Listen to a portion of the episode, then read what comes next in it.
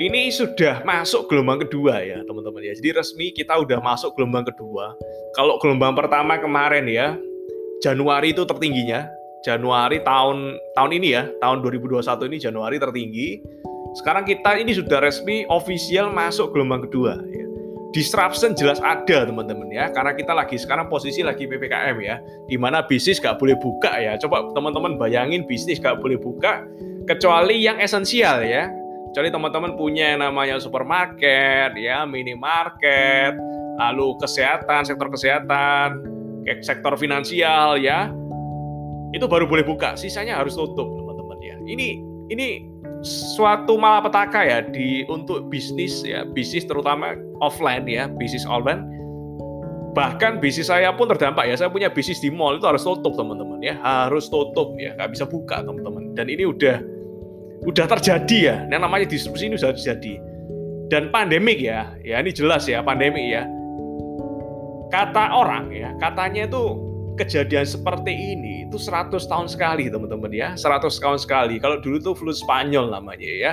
Sekarang ini terjadi ya. Jadi kita generasi kita ini, kita kita ya yang di sini, generasi kita ini entah kita bilang beruntung atau sial, tapi kita kan orang positif ya. Kita bilangnya kita lagi beruntung ya. Ternyata generasi kita mengalami yang namanya pandemik ini ya. Kejadian 100 tahun sekali yang tidak pernah dipikirkan oleh orang-orang, tidak pernah didengar oleh orang-orang, tidak pernah di-planning oleh orang-orang, tapi terjadi teman-teman ya.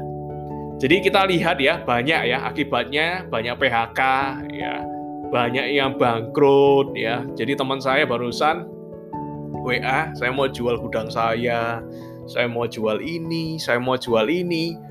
Pengusaha walaupun teman-teman ya punya aset ya teman-teman punya aset teman-teman punya properti teman-teman punya ya. Kalau semua barengan jual siapa yang beli? Pertanyaannya gitu ya. Kalau semua barengan jual ya siapa yang beli ya?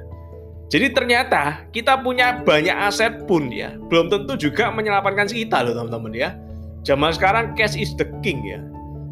Ternyata kita punya aset pun kita mau jual, kita mau barterin dengan supaya kita megang cash pun gak bisa sekarang, teman-teman. Gak bisa. Kenapa? Karena semua orang mau jual propertinya, siapa yang beli ya? Nah, oleh karena itu timbul yang namanya pengangguran ya, bisnis bangkrut.